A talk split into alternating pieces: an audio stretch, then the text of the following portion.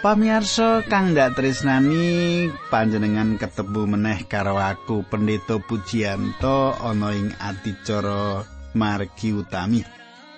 Kepiye panjenengan kabare ana ing patemon iki apa panjenengan tansah bunga, tansah kabejaring urip mengkono?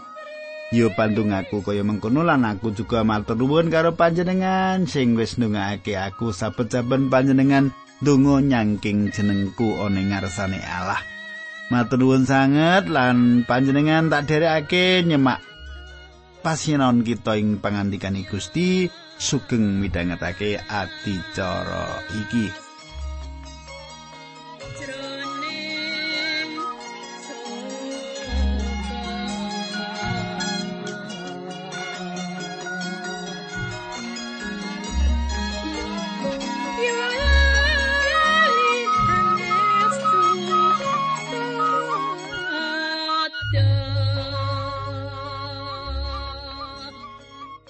Sumitraku, panjenengan tentune cek kelingan apa sing tak aturake ana ing patemon kita kapungkur.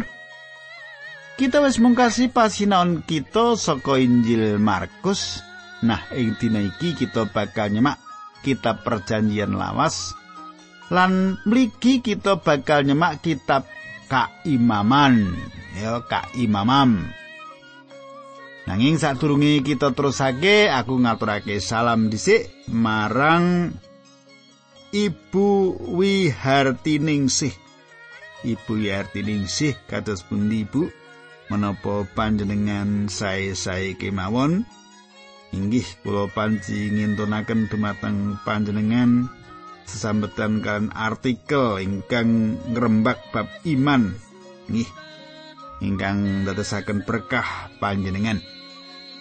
Nah katangku kita bakal ndedonga sesarengan donga bareng sadurunge kita terusake. Duh Kanjeng Rama ing swarga kawula ngaturaken gunging panuwun menawi wekdal menika kawula saged tetunggilan saged sesarengan kalian sedherek kawula saperlu sinau saking pangandikan paduka.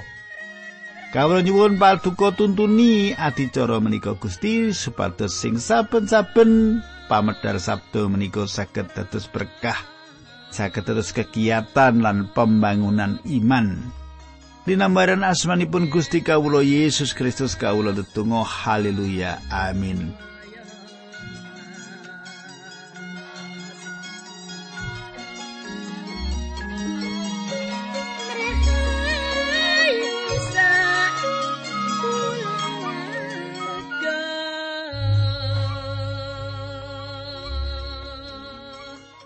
Katangku kita miwiti sinau kitab kaimaman nanging sadurunge iki kita nyemak dhisik bebukane kitab kaimaman.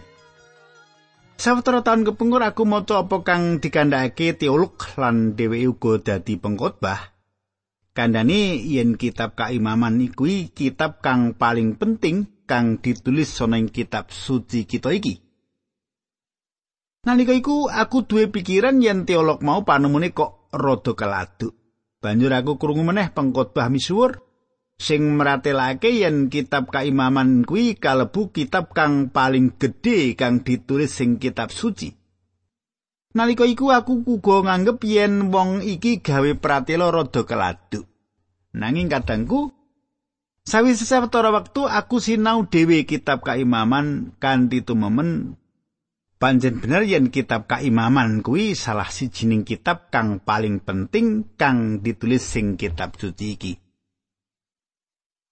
Awit kitab iki sine dawuh kanggo kabeh wong kang budidaya urip mursid kang mesti wae digoleki dening kabeh wong kang ngraso agama kalebu para bidah utawa wong kang kesasar. Kawruh saka kitab kaimaman bakal menehi jawaban kabeh pambudidaya kanggo urip mursid kuwi. Katanggu kitab kaimaman kuwi ditulis dening Musa. Kitab iki kalebu perangan kitab Pentateuk utawa salah siji saka limo kitab kawitan ing kitab suci iki. Kitab iki diwiwiti saka Gunung Sinai lan uga dipungkasi ing gunung mau. Kita ngerti ing gunung mau Allah paring pepakon Torat Kitab Kaimaman sawijining kitab kang meratelake bab pangibadah kang apik banget. Kitab Kaimaman iki dibuka kanthi tembung Ibrani kang mawas teges lan panjenengane nimbali. Allah saiki wis pindah ana ing kemah suci lan paring pangandikan saka kono. Panjenengane ora meneh paring pangandikan saka gunung Sinai iki. Allah nimbali umat kagungani supaya ketemu karo panjenengane ing kemah suci. Allah paring pirsa marang umat kagungane gegayutan karo carane umat kagungane iki sowan lan kepiye kudune mlaku ana ing ngarsani. Makna sabenere saka gereja yaiku wong-wong kang ditimbali metu. Minangka jejere wong kang percaya marang Gusti kita sejatine kalebu wong-wong kang ditimbali metu. Ing jaman kuwi Allah paring pangandikan saka kemah suci lan nimbali umat kagungane supaya sowan marang panjenengani. Katanggu, kitab keimaman yaiku kitab kang akeh meratelake babagan pangibadah. korban ubaran, upacara, tatanan upacara agama, tatanan pangibadah, wulangan, pawijian, patemon, dina-dina suci, pambangun turut, syarat-syarat uga pemut-pemut katulis ing kitab iki. Paulus nulis ing siji Korinta 10 ayat 11 mengkini. Anane lakon kabeh mau supaya dadi tulodo kanggo wong-wong liya lan kabeh mau katulis minangka pepiling tumrap kita sing padha urip ing jaman pungkasan. Ana ing siji Korinta 10 ayat 6 Paulus kondo, tumrap kita perkara mau kabeh dadi pasemon kanggo ngilingake. Lan ana ing Rum 15 ayat 4 Paulus meratelake awit samubarang sing katulis ana kitab suci kuwi minangka piwulang tumrap kita supaya kita duwe pengarep-arep mung marang Gusti Allah srana kesabaran lan pangata-katak sing kawulanga dening kitab suci mau. Katanggu Petrus meratelake yen perjanjian lawas kuwi ngandut kayekten-kayekten kasukman tumrap kita. Kaya kang ditulis Petrus sing siji Petrus siji ayat 10 nganti rolas, ya bab keselamatan kuwi sing wis dititi priksa kelawan nastiti dening para nabi sing padha meca bab sih rahmat sing bakal diparingake dening Gusti Allah marang kowe. Para nabi mau padha niti priksa kapan wektune lan kepriye patrape sih rahmat mau kaparingake lan roe Sang Kristus sing ana ing para nabi kuwi nedahake wektu mau srana pamecane bab kasangsaran rupa-rupa sing bakal dialami Sang Kristus lan bab sakaing kamulyan sing sawise kuwi bakal kaparingake marang panjenengani. Para nabi mau wis padha kaparingan pangerti dening Gusti Allah yen enggone lelati mau ora kanggo awake dhewe nanging kanggo kowe. para nabi mau padha medharake perkara-perkara sing saiki wis kok rungu saka wong-wong sing padha ngabarake Injil wong-wong mau nggone martakake srana panguasaning Roh Allah sing kautus saka ing swarga senajan para malaikat pisan padha kepengin sumurup bab perkara-perkara mau Katanggu sepanjure ing Ibrani 11 ayat 13 meratelake mengkini. Wong-wong mau kabeh padha ngantepi percayani nalika sedo durung padha tampa perkara-perkara sing diprastiyake dening Gusti Allah mau. Mula mung padha nyawang saka kaduan lan padha nanggapi kanthi pengarep-arep. Wong-wong mau padha rumangsa ana ing bumi kene padha dadi wong manca lan wong neneka. Katangku, kitab kaimaman ngemot sawetara wulangan kang indah kanggo kita ing jaman saiki. Kita iki meratelake Sang Kristus kanthi cara kang ngidapi-dapi. Pangibadah kita saiki sakbenere dudu meneh tatanan upacara wae. Bangsa Israel wis nglakoni upacara-upacara lan bangsa iki duwe tatanan-tatanan kanggo upacara-upacara mau. Nanging Gusti Yesus paring pengandikan marang wong wadon ing pinggiring sumur ing Samaria kaya kang ditulis ing Yohanan papat ayat selikur tekan pat likur. Mengkene surasani. Pangandikane Gusti Yesus ngandelo. bakal ana wektune wong manembah marang Gusti Allah ora ana ing gunung iki lan uga ora ana ing kutha Yerusalem.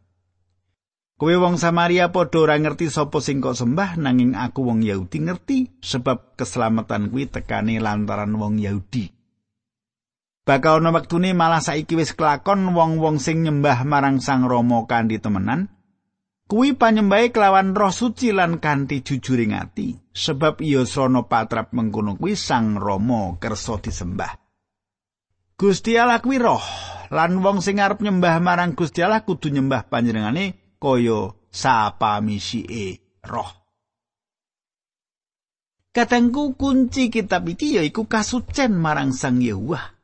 kitab imamat, kitab kaimaman ngandut dawuh loro kang penting. Angka siji kitab kaimaman mulangake cara supaya kita bisa tekan ing Allah yaiku lumantar kurban.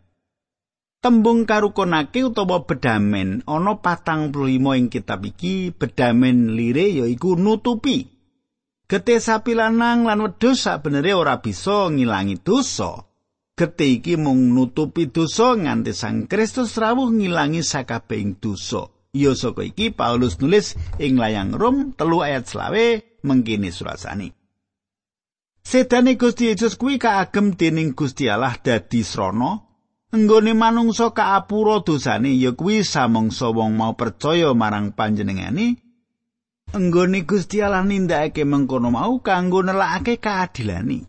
ing jaman-jaman sing wis kepungkur Gusti Allah sajroning kesabarane ora melu marang dosa-dosane manungsa.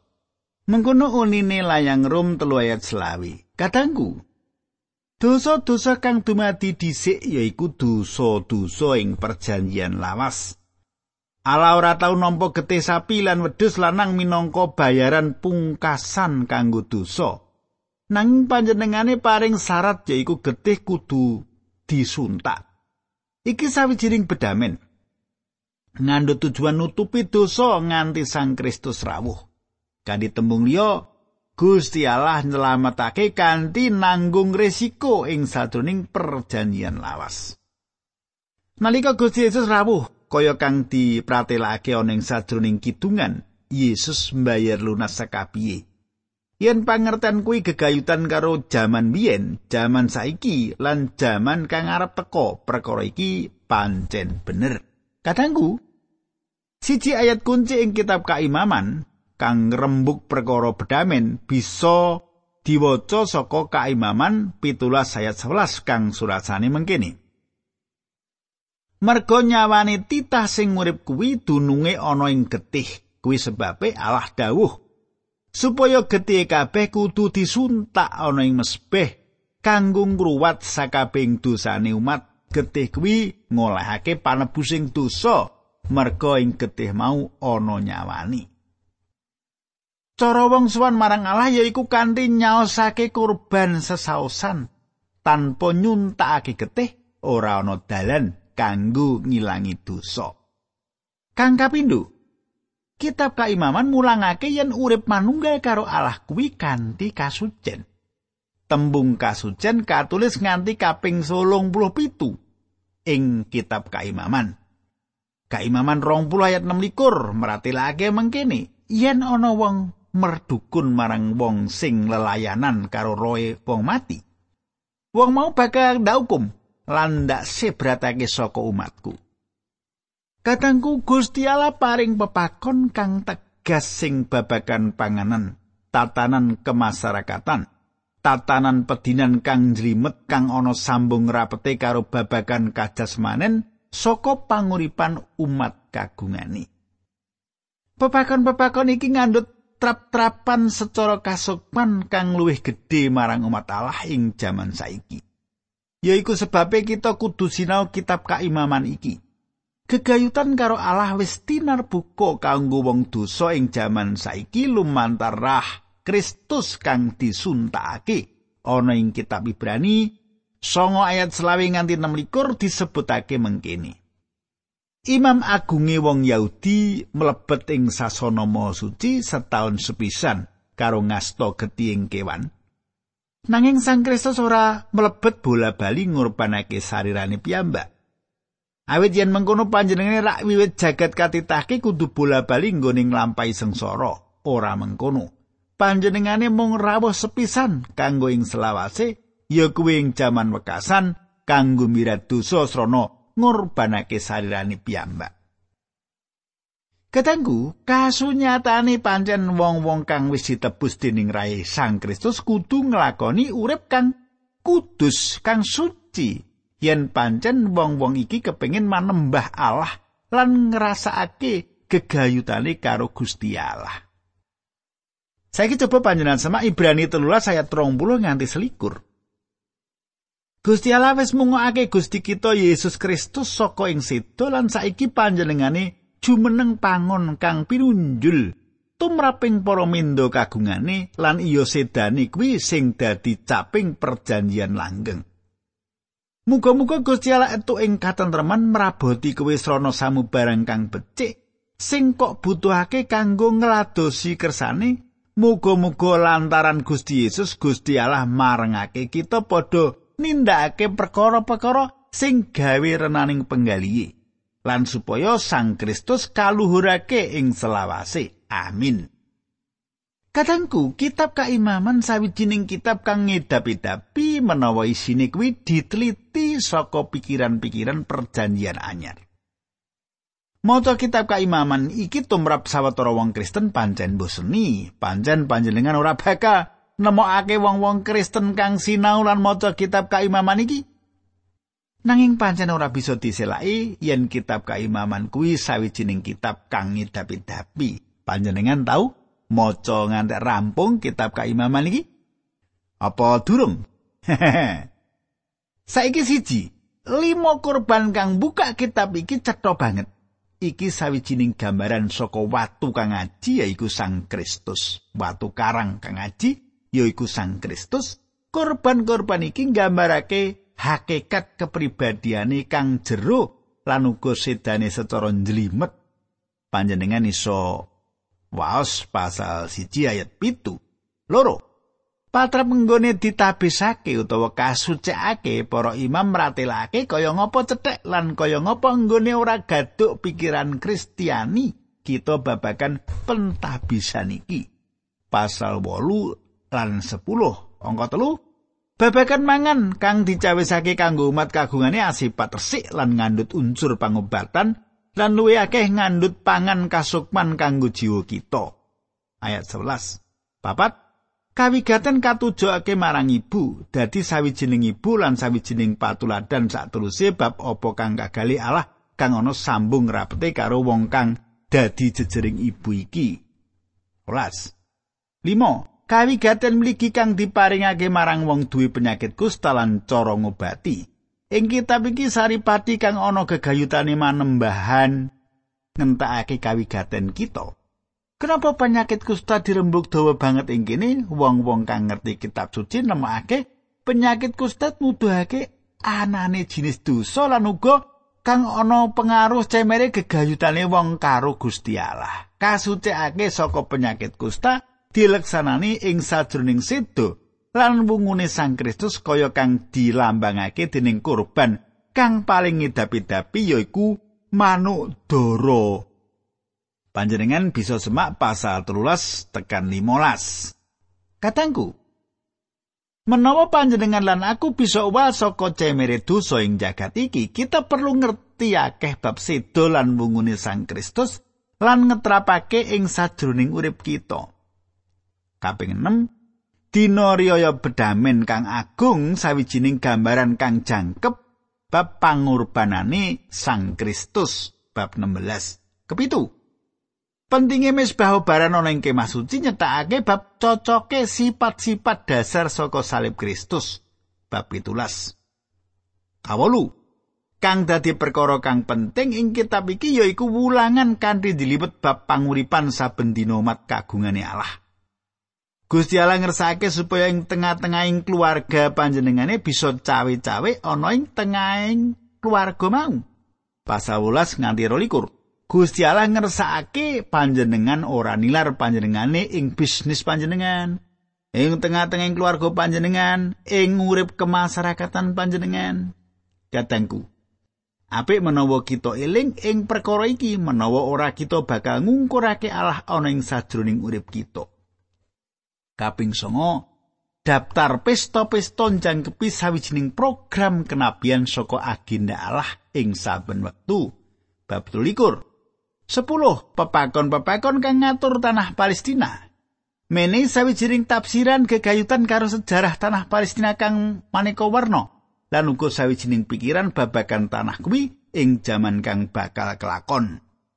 Akeh pameca ing kitab iki antarane bangsa Israel lan tanah perjanjian iku gayut ginayut wiwit jaman semono nganti ing jaman kelanggengan. Panjenengan iso semak pasal 24 tekan 17 kadangku. Ana sawijining kegayutan ing sadroning kitab kawitan saka kitab suci. Ana ing kitab Purwaning dumati kita nyemak manungsa ngalami rusak. Ing kitab pengentasan kita nyemak manungsa ditebus. Ing kitab kaimaman kita bisa nyemak manungsa manembah Gusti Allah. Kita uga bisa gawe bandingan antaraning kitab pangentasan karo kitab kaimaman. Ing kitab pangentasan kita nyemak nawakake bab panguparaning dosa ing kitab kaimaman nawakake kasucen ana ing kitab pangentasan kita bisa nemokake anggone Gusti Allah nyerai manungsa ing kitab kaimaman manungsa kang nyerai Gusti Allah ana ing kitab pangentasan Sang Kristus iku juru slamet ing kitab kaimaman panjenengan kuwi sang juru nyucikake ana ing kitab pangentasan kaluputan manungsa ketok cetha ing kitab kaimaman cemere manungsa diketokake Ing kitab pengentasan Gusti Allah paring pengandikan saka gunung. Ing kitab kaimaman panjenengane paring pengandikan saka kemah suci. Ing kitab pengentasan manungsa luwih cerak karo Allah. Ing kitab kaimaman manungsa tetep cerak karo Allah, cecaketan karo Allah. Monggo kita nyemak pasal siji saka kitab kaimaman. Katangku, yo iki korban kang paling tuwa kang dingerteni dening manungsa. Korban iki yaiku korbaning Habel, Nuh lan Abraham. Kabeh korban iki digawe ing dhuwure mesbah tembaga nanging awet korban obaran digawe ing kono, mula mesbah tembaga iki disebut uga mesbah bakaran atau obaran. Korban iki yaiku korban kang paling luhur saka kalima korban awet perkara bab unggul lan kang utama. Korban iki yaiku sawijining gambaran bab Sang Kristus gambaran kang jero ing babagan sedani. Sopo wae ora bisa nemokake teges sawutuwe saka kurban iki sebab kurban iki meratelake marang kita apa kang dipirsani Allah ing sajroning Sang Kristus. Kita ora bisa ndeleng kaya panjenengani. Iki sawijining kengkeran kang gedhe kang mung bisa dibuka dening Sang Roh Suci. Kurban obaran meratelake pribadine Sang Kristus. Panjenengan iku kang ngganteni kita. Paulus meratelake perkara iki ing Efesus 5 ayat loro. Uripmu kudu dikuasani dening katresnan kaya dene Sang Kristus enggone wis ngasihi kita lan masrahake nyawane kanggo kita minangka sesausan lan kurban sing gawe renane Gusti Allah. Saiki kaimaman bab siji ayat siji Pangeran Yewah nimbali Nabi Musa sarta ngendika marang panjenengane saka ing tarup pasewakan Dawi. Katangku, Allah nimbali Musa saka kemah suci. Allah ora paring pangandikan meneh saka Gunung Sinai ing sadroning gluduk lan kilat kaya nalika Allah paring dosa titah. Ikene Gusti Allah nimbali Musa saka kemah suci ing sadroning pemulihan Sang Yewan nimbali Nabi Musa. timbalane Gusti Allah diparingake marang wong-wong kang gelem mirengake suarane perkara iki penting kanggo disemak Allah nuju nimbali wong-wong dosa ing jaman iki kanggo dirukunake karo panjenengane. Gereja yaiku sawijining badan kang ditimbali supaya metu lan wong-wong kalebu wong-wong pilihan awit wong-wong mau ditimbali. Layang siji Korintus siji ayat 23 nganti 24 mengkene surasane. Wong Yahudi padha njaluk mukjizat minangka bukti lan wong Yunani padha mburu kawicaksanan. Nanging tumrap kita kita padha martakake bab Sang Kristus sing disalib. ya kuwi pawarta sing kanggone wong Yahudi dadi sandungan utawa marakake tumiba dosa lan tumrape wong dudu Yahudi wong kafir pawarta mau sawijining perkara sing ora tinemu nalar ayat 24 nanging tumraping wong sing padha katimbalan dening Gusti Allah wong Yahudi wong kafir bab Sang Kristus kuwi panguwasa lan kawicaksanane Gusti Allah. Kadangku ditimbali ora teges wong-wong kang mung krungu. Nanging iku ateges yen wong-wong kang wis krungu lan sateruse ngaturi tanggapan apa panjenengan mireng timbalane Allah? Lan saiki panjenengan ngaturi tanggapan marang panjenengani? Ayat loro sing kudu ditetepi dening wong Israel semasa saus kurban yen ana wong arep saus kurban hubungan rupa kewan bisa rupa raja kaya sapi wedhus gembel utawa wedhus dawa Panjenengan katakake ukara yen ana wong ikut ateges sapa wae kang gelem teka. Katengku, kepriye terus perangan iki kita bakal nyemak terus ayat-ayat saka kitab kaimaman iki ana ing patemon kita sak teruse, awit saka iki saiki monggo panjenengan tetunggu dhisik. Kanyara mang swarga kawula ngaturaken kenging panuwun menawi wekdal menika kawula saged sinau pangandikan paduka. Kawula nyuwun Gusti berkahi kawula linambaran asmanipun Gusti Yesus Kristus. kawula ndedonga haleluya amin